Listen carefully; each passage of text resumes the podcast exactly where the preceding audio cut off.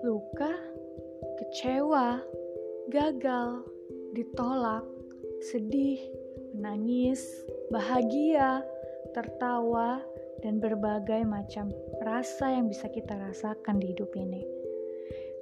Di podcast ini, aku akan banyak cerita tentang hal itu, bukan hanya sekedar cerita-cerita fiktif belaka, tapi lebih ke opini yang aku sampaikan gimana satu case, mungkin case tentang kecewa, gimana cara kita meminimalisir hal itu terjadi, bagaimana cara kita bisa menghindari hal itu dan apa sih perspektif aku tentang satu hal itu. So, jangan lupa dengerin di podcast temanmu.